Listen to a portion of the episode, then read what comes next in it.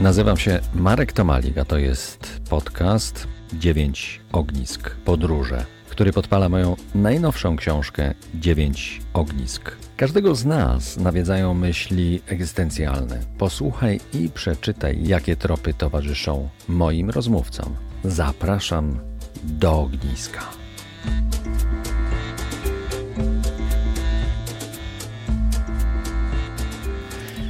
Wyszliśmy od ogniska i wracamy do ogniska. Moim gościem Krystian Bielatowicz, artysta, fotograf, filmowiec, archeolog. Krystian specjalizuje się w fotoreportażu społecznym, street photo i dokumentach zarówno fotograficznych, jak i filmowych. Był redaktorem portalu Szeroki Kadr i wykładowcą Akademii Nikona. Krystian uczy fotografii, ale przede wszystkim uczy obserwacji tego, co blisko w zasięgu ręki. A w zasięgu ręki mamy ognisko. Nazwijmy je ogniskiem numer jeden, bo to wszystko, co się dzieje wokół, jest zarazem dosyć szczególne, jak i mocno umowne. Gdzie najchętniej umiejscowiłbyś nasze ognisko?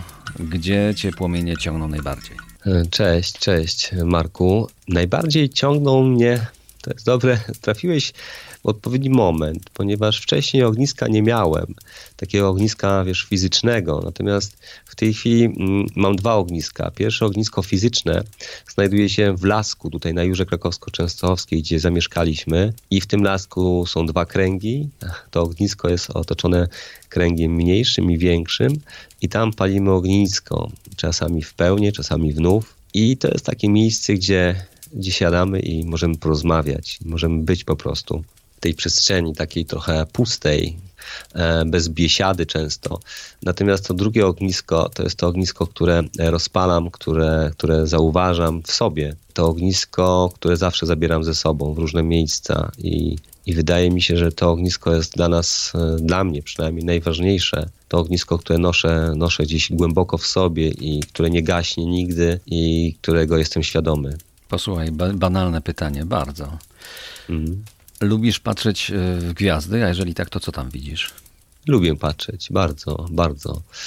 Co ja lubię zobaczyć? Czasami widzę Oriona, czasami widzę gwiazdę północną, a czasami widzę rozmyty obraz, jak na przykład kiedyś nagrałem taki film na długim czasie naświetlania. Te gwiazdy stały się liniami takimi przemieszczającymi się w kadrze, a czasami nie mam okularów e, i ich nie widzę, więc co najbardziej lubię w tym wszystkim, chyba to wszystko, co opisałem. A zastanawiałeś się, dlaczego lubisz y, patrzeć w ogień? Hmm, wiesz, no, ogień przede wszystkim daje ciepło, daje też światło, barwę, taką, która koi, która mm, często może nawet e, pozwalać nam szybciej zasnąć, ale ogień to jest też coś takiego pierwotnego. To jest jeden z żywiołów, tak jak woda, ziemia i, i wiatr. I powiem ci, bez tych czterech żywiołów, no byłoby nam trudno sobie wyobrazić te, ten świat. I tak ogień myślę, że jest jeden, jednym z najważniejszych chyba żywiołów. Zresztą wszystkie są ważne. To jest taki element, bez którego nie ma, nie ma tego wszystkiego. Więc jest dla mnie ważny właśnie z tego powodu. No to tak jak jesteśmy przy tym ogniu, to no, znamy się już od, od dawna. I wiem, że zajmujesz się fizyką kwantową i troszeczkę mnie też porusza ten temat. Y, powiedz, jak y, tę fizykę kwantową ożeniłeś y, z fotografią? Jest to w ogóle możliwe, czy to jest takie, tak po prostu przykleiłeś i, i tak ci jest z tym dobrze?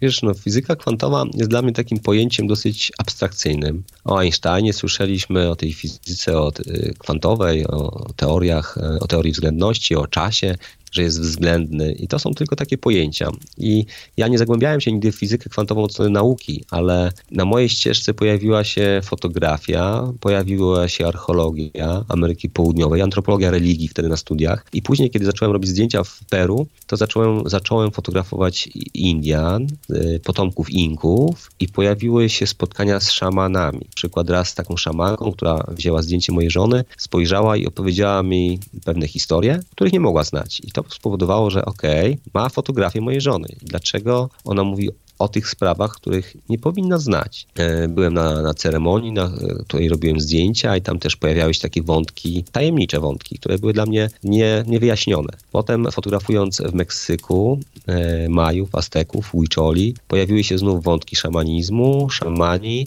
pewne rozmowy, historie, spotkania e, z szamanami, którzy mówili, robili rzeczy, które dla mnie były niewyjaśnione. Kolejny raz. Aż e, pojawił się Quantek, takie urządzenie, które służy do sczytywania fotonów bliźniaczych z fotografii. Dajesz fotografię, ona jest skanowana przez to urządzenie i ona sczytuje E, te fotony bliźniacze ze zdjęcia, czyli tak naprawdę twoje fotony, czyli w czasie rzeczywistym szczytuje informacje z pola morficznego o wszystkim dotyczącym ciebie. Tak naprawdę to bym nawet wtedy zacząłem to porównywać do tego, co robią szamani. I e, kiedy dalej robiłem zdjęcia po tym spotkaniu z Quantekiem, z tym urządzeniem, zacząłem to wszystko ze sobą łączyć. E, potem przeczytałem książkę Stara Mądrość na nowe czasy, chyba tak się nazywa. Stara Mądrość na nowe czasy.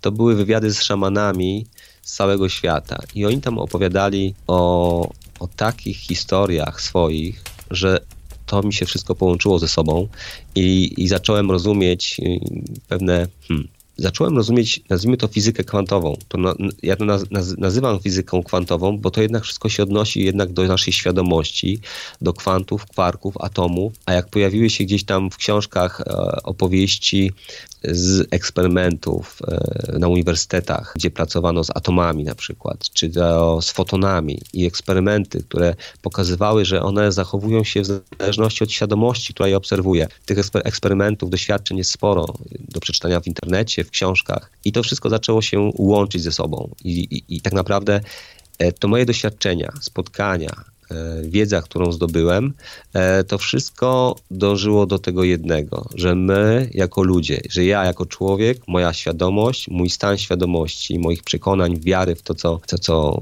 właśnie wierzę czy nie wierzę, to powoduje, że, że ten świat e, reaguje na to, że te kwanty, kwarki reagują na to, a wszystko jest złożone z tych kwantów, atomów, fotonów. Jeśli one, wszystko jest z tego stworzone, to w jakimś sensie tym wszystkim zarządza świadomość. Świadomość, a każdy z nas jest taką świadomością. I wtedy zacząłem sobie właśnie uzmysławiać, jak to jest z szamanami, którzy odczytują informacje ze zdjęć, czy na przykład rzucając kamyczkami, kukurydzą, są w stanie odczytać informacje z tego rozłożenia, na przykład kukurydzy. I że, że ta świadomość, która jest w obecności tej kukurydzy, tych kamyczków, że ta świadomość wpływa na ułożenie tych kamyków, a szaman, który ma wiedzę, bo to jest też dosyć proste, każdy kamyk ma pewne zadanie, przypuśćmy, pewien kamyk, kamyk jest ojcem, pewien jest matką, dziadkiem, wiesz, każdy kamyk ma swoje zadanie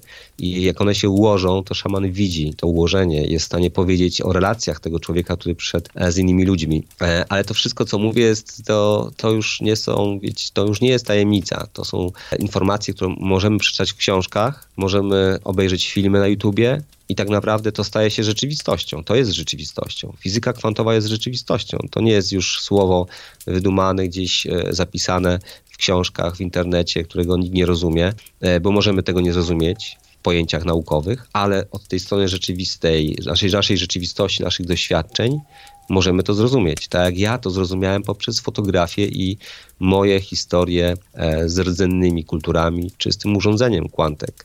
Więc dla mnie fizyka kwantowa stała się rzeczywistością. Pytanie, czy to nie jest szarlataneria, jakaś jej tam powiedzmy odmiana. I sama fizyka kwantowa i te kamyki rzucane przez szamanów gdzieś w Meksyku.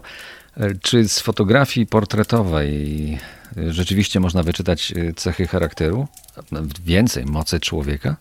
Wiesz, jak masz fotografię, jak ja oglądam jakąś fotografię, to na pewno to, co będę odczytywał, to jest to, co ja odczuwam. Moje emocje są z tym związane.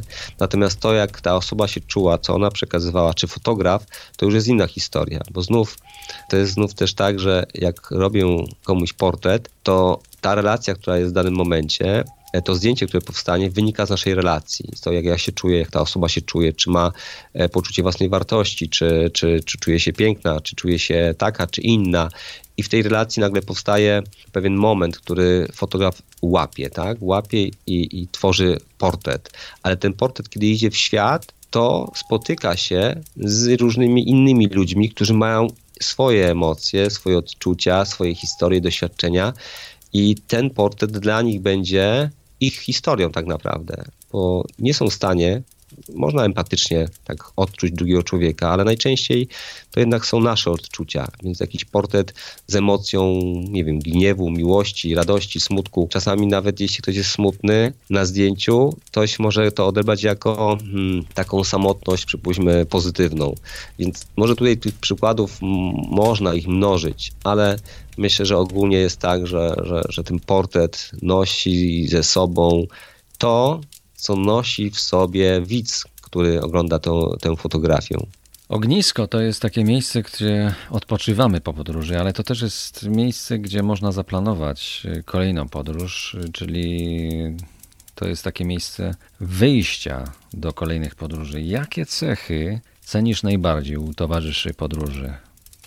Hmm, u towarzyszy podróży to jest e, tak, że w większości moich podróży byłem sam. To jest najczęściej podróżowałem sam mm, i uwielbiałem to, że mogłem przemieszczać się w zależności od e, chwili obecnej, czyli nie narzucałem sobie żadnego planu. Podróżując po Meksyku, czasami to były dwa miesiące, miesiąc, czy po Peru, to było trzy i pół miesiąca. To było tak, że ja po prostu no, pewne rzeczy planowałem, ale w większości nie planowałem i to, co było najpiękniejsze, to że nie narzucałem sobie niczego. I kiedy podróżowałem na Kamczatce na przykład, byłem z Marcinem Dobasem, fotografem, to tam pozwoliliśmy sobie właśnie na byciu tej podróży i razem i osobno, że nikt nikomu nic nie narzucał. To jest taki moment w podróży, kiedy, kiedy zrozumiałem, że im mniej narzucimy komuś, naszemu towarzyszowi, e, im mniej mu narzucimy, czyli też automatycznie sobie narzucimy jak najmniej, tym ta podróż będzie pełniejsza, bardziej uważna i przyjdzie do nas dużo więcej niż gdybyśmy zakładali, że tutaj będę tydzień, tu będę dwa dni, tu pojadę do tego, tu do tamtego. Jeśli to stworzymy sobie taki plan, e, agendę, grafik na nasz wyjazd, to możemy spotkać się z tym, że coś nie wypali, a jak tak się stanie, to powstaną jakieś, jakieś zniecierpliwienie, mm, może gniew, złość I, i jeśli chodzi o towarzysza podróży, to myślę, że, że tym towarzyszem e, najlepszym jest ta osoba, która również podchodzi do tego podobnie. Czyli odpuszczamy wszystko i jedziemy, aby, aby podróżować, poznawać. A powiedz, y, gdzie widziałeś, jeżeli widziałeś szczęście na Ziemi? Pierwszy obraz, który pojawił mi się w głowie, to był obraz, y, obrazy z Kuby. To jest miejsce, gdzie nie ma bogactwa, ale spotkałem tam ludzi, którzy, wiesz, szedłem sobie wybrzeżem i spotkałem młodych ludzi, którzy się uśmiechali, śmiali, rozmawiali i chociaż potrzebują oni pomocy finansowej często, to jednak tam widziałem to szczęście. Widziałem to szczęście, jeśli chodzi o ludzi. E, jeśli chodzi o przyrodę, no to tam, gdzie nie widziałem człowieka, tam, gdzie ta dzika przyroda była dzika, nietknięta, tak jak na Kamczatce, to czułem to szczęście w sobie. E, podejrzewam też e, miało wielki wpływ to, co widziałem na zewnątrz. I, i to szczęście, powiem ci, że ono chyba nie może być uwarunkowane wieloma e, pragnieniami. Więcej chyba człowiek pragnie i więcej chce, tym mniej tego szczęścia jest. I to, jest twoja, jest... I to jest twoja definicja szczęścia, rozumiem. Wiesz co, nie wiem, czy to jest. E, teraz, jak o tym mówię do ciebie, to może tworzę tą swoją definicję na potrzeby rozmowy, ale też może odkrywam to w sobie, że, że szczęście nie może być zdefiniowane niczym niczym na zewnątrz, wiesz, te pieniądze, domy, samochody, kariera i tak dalej. To szczęścia, jak już zobaczyłem u siebie w życiu, to nie daje szczęścia. E, I, I, zobaczyłem to szczęście u ludzi, którzy właśnie nie mają tego, tak jak na Kubie. Czy ta dzika przyroda, prawda? Więc co, czym jest szczęście? Nie wiem, czy łatwo go złapać, ale może właśnie lepiej niczego nie łapać i hmm, trudno, wiesz, mi zdefiniować szczęście tak naprawdę ale te, to, co widziałem, dawało mi szczęście, dawało tym ludziom i miejscom szczęście, więc. Może odkrywanie jest trochę szczęściem, no bo też tak y, właśnie się to układa. Jak już podróżujemy, to gdzieś tam y, ten aspekt odkrywania jest dla nas dosyć ciekawy, nawet jeżeli to są małe odkrycia. Co jeszcze możesz, co jeszcze chcesz odkryć? Zastanawiałeś się? E, czasami myślę o tym. Kiedyś wiedziałem, co chcę odkryć, tych Inków, Majów. Chciałem odkryć dziką przyrodę. Natomiast wiesz co, teraz chciałbym odkryć, teraz to tak, czuję bardzo, bardzo, bardzo mocno. Chciałbym odkryć y, tę relację między ludźmi, a najważniejsze dla mnie relacje z ludźmi to są relacje z moją żoną, z moimi dziećmi, czy z rodzicami, czyli najbliższym otoczeniem. I uczę się tego, mając czwórkę dzieci e, w różnym wieku, uczę się relacji z nimi, jakby rozumienia tego ich potrzeb, e, uczę się odkrywania tego. Powiem Ci, że to jest dla mnie w tej chwili najtrudniejsze, no bo jest najtrudniejsze. Dzieciaki dorastają i, i tak, są, każdy jest inne. I nagle okazuje się, że, że oni są w moim polu najbliższym i, i, i no właśnie, uczę się relacji z nimi, poznawania ich, też siebie w tej relacji i to jest teraz moje, moim marzeniem, żeby odkryć taką prawdę w tym wszystkim, takie szczere, um, uczciwe, e, z szacunkiem relacje między nami. To jest dla mnie najistotniejsze w tej chwili. Jak jesteśmy przy rodzinie, czy podróżnik, jak uważasz, y, może, powinien zakładać rodzinę, szukać stałych związków?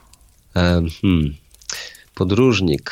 To różnie też bywa, bo niektórzy podróżują e, rodzinnie, niektórzy podróżują w parze, a niektórzy sami podróżują. Ja podróżowałem sam przez bardzo długi czas swojego życia, a ostatnim, w tamtym roku, 2020, po raz pierwszy wyjechałem z całą rodziną do Meksyku na pół roku, więc podróżowaliśmy razem. E, I na pewno dla mnie to była też trudność, bo była nas, była nas szóstka, nie byłem sam. I to to było dla mnie też odkrywcze, jak wiele jest do nauczenia się w takiej, pod, takim podróżowaniu. I myślę, że to jest chyba kwestia bardzo indywidualna, bo znam ludzi, którzy są samotni, nie mogą kogoś znaleźć albo nie chcą kogoś znaleźć i podróżują, jest im z tym dobrze. Czytałem o parach, którzy jeżdżą po świecie, rodzą mi się na pierwsze dziecko i dalej podróżują po tym świecie, ale są też tacy, którzy może w większym gronie rodzinnym też wyjeżdżają na krótkie wyjazdy, więc dla mnie to jest bardzo indywidualne. Tak jak dużo nas jest na tej planecie, tak wiele jest idei, pomysłów i myślę, że, że to wszystko ma rację bytu i są wszyscy, czyli solowo podróżują, rodzinnie, w parze. Ja wybrałem kiedyś samotne podróże, teraz rodzinne, a może kiedyś znów wrócę do jakichś samotnych podróży, więc chyba wszystko ma swoje miejsce. Jak podróżujesz, to być może korzystasz z pomocy y, tubylców. Y, jeżeli tak, to jaki masz patent na nich? Patenty się same pojawiały, bo były sytuacje, kiedy mm, podróżowałem sam i znajdywałem kontakty, znajdywałem osoby, gdzieś tam usiadając w kawiarence, zagadując kogoś. Miałem sytuację, kiedy miałem jakieś nazwisko w jakiejś wiosce, i jakąś nauczycielkę miałem poleconą. Pojechałem do takiej wioski, e, zapukałem do drzwi i po prostu poprosiłem o pomoc i ta osoba mi pomogła, znajdując bohaterów do sfotografowania. Miałem sytuację, gdzie rok wcześniej poznałem kogoś, e, kto był przewodnikiem e, wśród Majów i rok później go wynająłem po prostu do pracy jako przewodnika i zaprzyjaźniliśmy się i przez 10 dni jeździł ze mną po różnych lokalizacjach, do różnych rodzin przyjeżdżaliśmy i fotografowałem. Miałem też tak, że że, jechałem po prostu i intuicją się kierowałem, po prostu zagadując ludzi na ulicy, pytając o kogoś i aż dotarłem do, do, do bohatera. Miałem też taką sytuację, że poznałem e, Jerzego w Meksyku, który mnie zaprowadził do swoich kontaktów i dzięki temu e, poznałem e, kolejnych bohaterów, więc to za każdym razem było inaczej. Są też tacy, którzy znajdują na przykład gdzieś na Facebooku grupy fotograficzne i proszą fotografów z danego kraju, czy nie pomogliby im w realizacji projektu i oni z przyjemnością pomagają, bo dla nich egzotycznym jest fotograf z Polski. Więc tutaj e, tych historii też jest bardzo wiele i one wszystkie, tak, wszystkie e, są możliwe i każdego, każdą, każdy sposób można sprawdzić na własnej skórze, doświadczyć i, i, i każdy z nich jest innym doświadczeniem, ale współpraca z kimś na miejscu no, przyspiesza nam też poznawanie środowiska, społeczności. No naprawdę, naprawdę warto w ten sposób e, podróżować. To jest oczywiste, co mówisz. Większość takich projektów, którymi się zajmujesz, nie byłoby możliwe, gdyby nie współpraca z, z ludźmi mieszkającymi tam, e, często właśnie z rdzennymi. Ale to jest delikatna materia bardzo. Często oni nie chcą y, uczestniczyć, nie chcą brać udziału. Demonstrują to w różny sposób, w zależności od tego, jaki jest ich charakter. Mówią wprost, że sobie nie życzą, albo stosują różnego rodzaju uniki. No tutaj musimy mocno się nad tym zastanawiać y, i analizować, żeby nie popełnić takiego fopa, które, które obróci się przeciwko nam. Y, starasz się szanować taką taki dystans w stosunku do swojej osoby i swoich zamierzeń ludzi gdzieś tam stamtąd? tak sobie wyrobiłem taką, e, taki sposób na pracę, na relacje z ludźmi, że e, przez lata staram się pozbywać swoich przekonań też, przekonań o świecie. Jestem, jestem z Polski, więc mam prawda, pewne kulturowe, religijne jakieś tam fundamenty. I z czasem, kiedy studiowałem, kiedy zacząłem jeździć po świecie i fotografować, e, zauważyłem, że świat jest różny, że te wszystkie moje przekonania, wszystkie nawyki i te wszystkie filtry, które mam na sobie, to są tak naprawdę wyrzeźbione, stworzone przez to, gdzie się wychowałem. I zauważyłem, że to nie ma sensu, i zacząłem to wszystko puszczać. E, puszczać w sensie wiele rzeczy przestałem wierzyć, wiele przekonań odpuściłem, i kiedy wchodzi, wchodzę e, w jakąś społeczność, jakąś grupę, to tak naprawdę wchodzę z takim sobą otwartym, uśmiechniętym, otwartym, który ma ten aparat gdzieś, czasami są w plecaku jeszcze, czasami gdzieś wisi gdzieś z boku ale chodzi o taką szczerość. Ja, ja przychodzę, ja ciebie nie oceniam. Ja nie mówię, że twoja religia czy jakieś wy, wyznania są gorsze, albo że ja jestem lepszy. Absolutnie tego w ogóle już nie ma. Kompletnie to nie istnieje. Jestem, staram się być takim wyzerowanym, takim czystą kartą, która wchodzi w przestrzeń i słucha słucha, a jak ma czas i przestrzeń, to się też dzieli swoim jakimś doświadczeniem, przemyśleniami. I to powoduje, że te relacje się szybko nawiązują, praktycznie natychmiast się e, nawiązują. Jeśli są e, to grupy, no nazwijmy to trudniejsze w komunikacji, ponieważ no, mają inne przekonania, inną też świadomość, to też ta relacja dłużej, gdzieś dłużej powstaje. Potrzeba więcej czasu ale nie miałem, tylko jeden przypadek miałem w swojej całych karierze podróżniczej, jeden przypadek, że osoba mi powiedziała, że nie. W sensie stała z odległości jakichś tam 10 metrów i po prostu rękę wyciągnęła, zasłoniła swoją twarz, znaczy odgrodziła, pokazała granicę, że, że ona sobie nie życzy. To był Indianin gdzieś z gór, Misztek, czyli z kultury azteckiej i, I tak to czułem, że ten człowiek też nie ma kontaktu za bardzo z taką cywilizacją e, meksykańską, gdzieś jest daleko z gór i po prostu odszedłem. E, tutaj nie było też, nie było możliwości w ogóle, żeby nawiązać relację jakąkolwiek. Więc moim zdaniem, podsumowując, to jest ważne, żebym ja nie wkraczał w czyjś świat z przekonaniem, że mój jest lepszy, albo w ogóle, w ogóle nie wkraczał w świat porównując, oceniając. Nic z tego nie ma. Ja po prostu wchodzę jak czysta karta i, i po prostu odbieram, obserwuję, słucham i ewentualnie wtedy fotografuję. Mówiłeś o filtrowaniu. Powiedz, jeżeli mogę zapytać, jak y, fli, y, nie flirtujesz, tylko filtrujesz, jak filtrujesz y, swoją wrażliwość? Masz ją we krwi? Wstydzisz się jej okazywać, czy wręcz przeciwnie?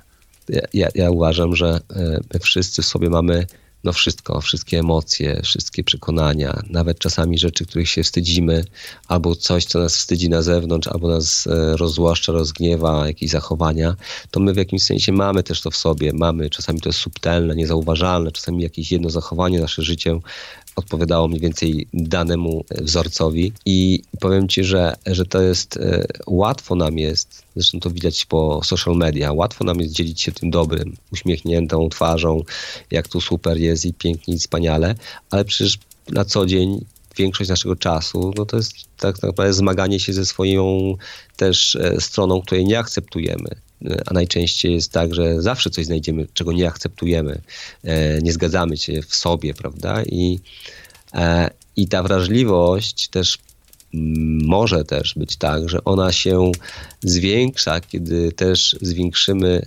akceptację w stosunku do siebie, kiedy zobaczymy te swoje zakamarki i, i wtedy jeśli się do nich przyznajemy, spotkamy się oko w oko i mówię, tak, to jestem ja, tak, ja też się tak czasami zachowuję.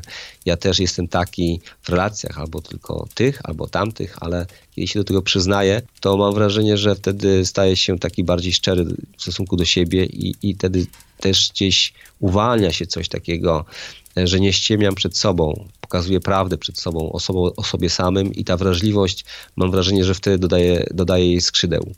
Takie mam wrażenie. Najważniejsze wydarzenie w Twoim życiu. Potrafisz coś takiego teraz tutaj powiedzieć? Tak szybko się zastanowić? Pojawiło się po pierwszej sekundzie, wiesz co, porody moich dzieci chyba. No, wyobraź sobie, że ja też Są najważniejsze. No tak, nawet nie chyba, przepraszam, nie chyba. No właśnie. Nie chyba.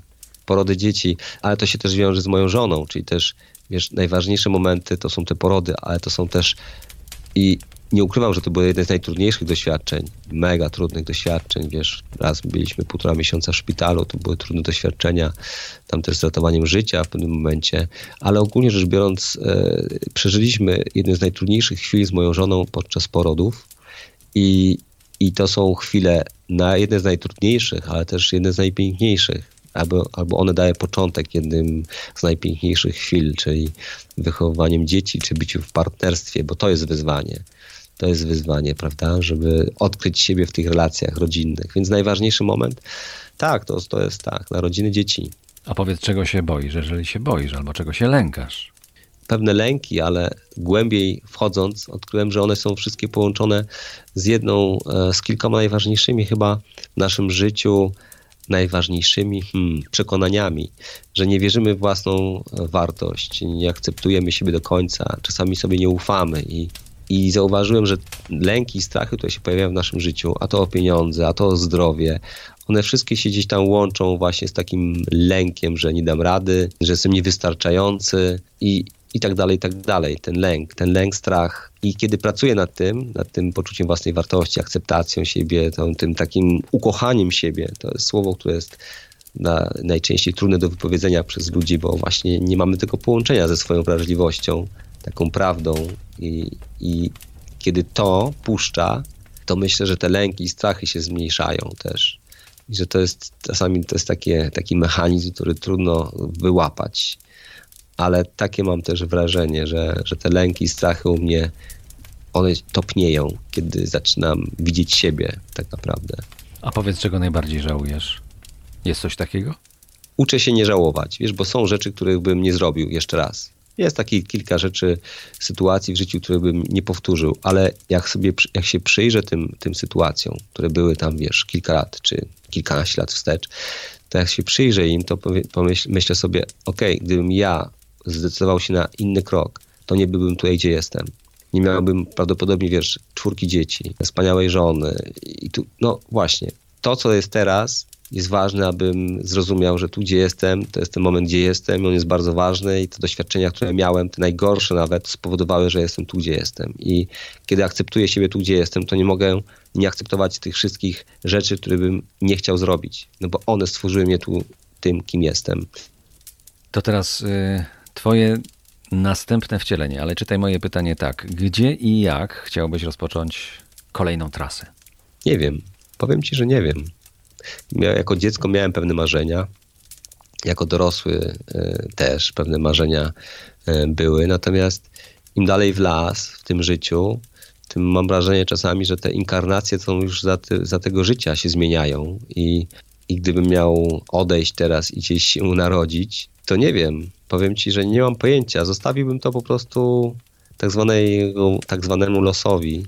Niech się wydarzy, co się ma wydarzyć. I I to chyba też mam wrażenie, że tu nie chodzi o to, gdzie się urodzę, gdzie, jak, w jakiej społeczności, miejscu, tylko bardziej chodzi o to, z czym się urodzę.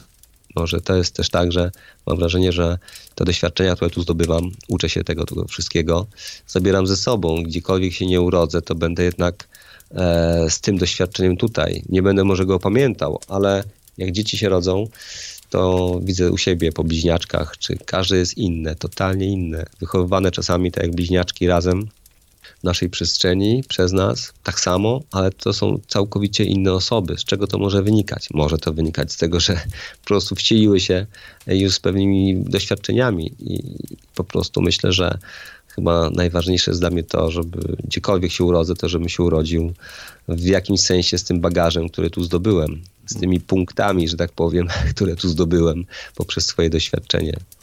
No bo tak naprawdę chyba dzieci nie są nasze, tylko przychodzą do nas. I ostatnie pytanie na dzisiaj przy tym ognisku.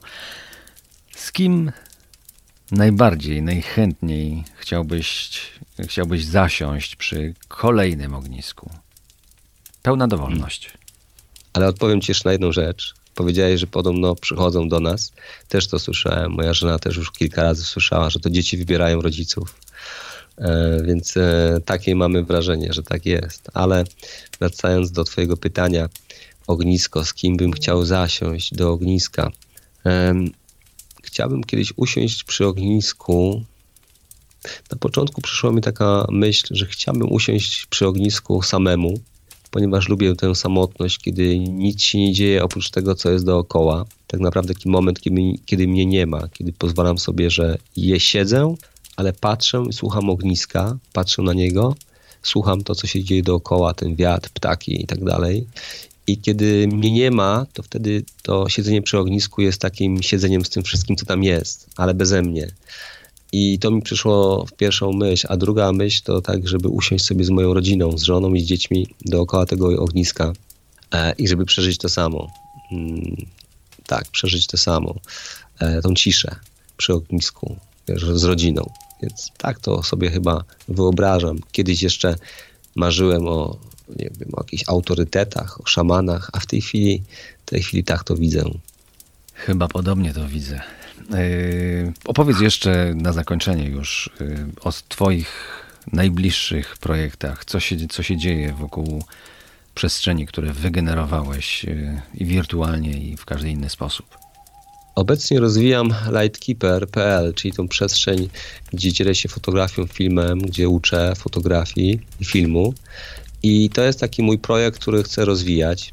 On jest, można powiedzieć, nieskończony, to jest taka przestrzeń, gdzie mogę się wyrażać. I w tej przestrzeni po prostu umieszczam te fragmenty mojego życia, które rejestruję, czy to zdjęciowo, czy filmowo.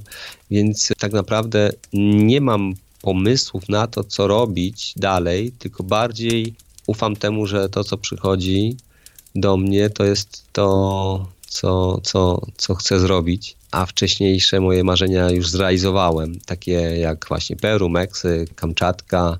I teraz tak trochę hmm, oddaję się temu, co do mnie przychodzi. Tak jak I am the Spirit, który nagrywałem, to przyszedł po prostu w jeden dzień. Czuję się teraz, jakbym był w takim punkcie, gdzie nie mam wiesz co, że naprawdę, gdzie nie mam hmm, takich jakichś marzeń, takich a propos projektów, fotografii, filmu, to wszystko, co chciałem wcześniej zrobić, zrealizowałem, a teraz bardziej marzę o tym, żeby rozwijać tą przestrzeń, którą stworzyłem w internecie, lightkeeper.pl, czyli fotografia, film, edukacja. To jest jakby coś, co rozwijam, daję temu czas, energię, lubię to robić i chciałbym też stworzyć jakby społeczność, która też e, odbiera e, nasz świat w ten sposób, że chce o nim opowiadać. Nie o tym, co najgorsze, co złe, tylko o tym, co piękne, co historie ludzkie, historie o, o naszej planecie, o przyrodzie. I moim marzeniem jest to, żeby coraz więcej ludzi opowiadało pozytywnie o tym, co dobre, żeby skupiało się na tym, co, żebyśmy się skupiali na tym, co, co nas, wiesz, e, ładuje, co nam pokazuje, że mieszkamy w, na pięknej planecie, w wspaniałym miejscu.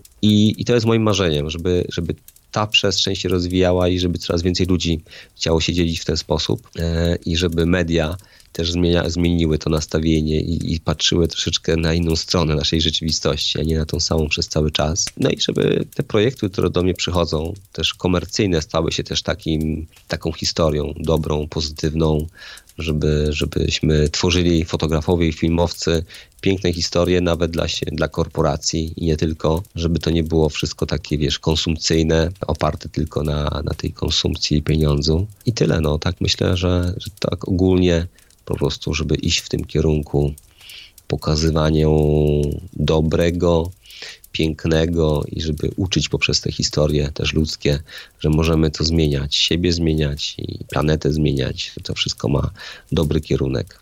Tego wszystkiego jeszcze więcej Ci życzę i obyśmy się spotkali za jakiś czas kolejny raz przy ognisku. Przypomnę, to był mój podcast autorski Dziewięć Ognisk, który towarzyszy książce pod tym samym tytułem Dziewięć Ognisk. Zatem wyszliśmy od ogniska i wrócimy do ogniska za jakiś czas innym miejscu, w innym czasie z innym rozmówcą. Zapraszam bardzo serdecznie Marek Tomalik.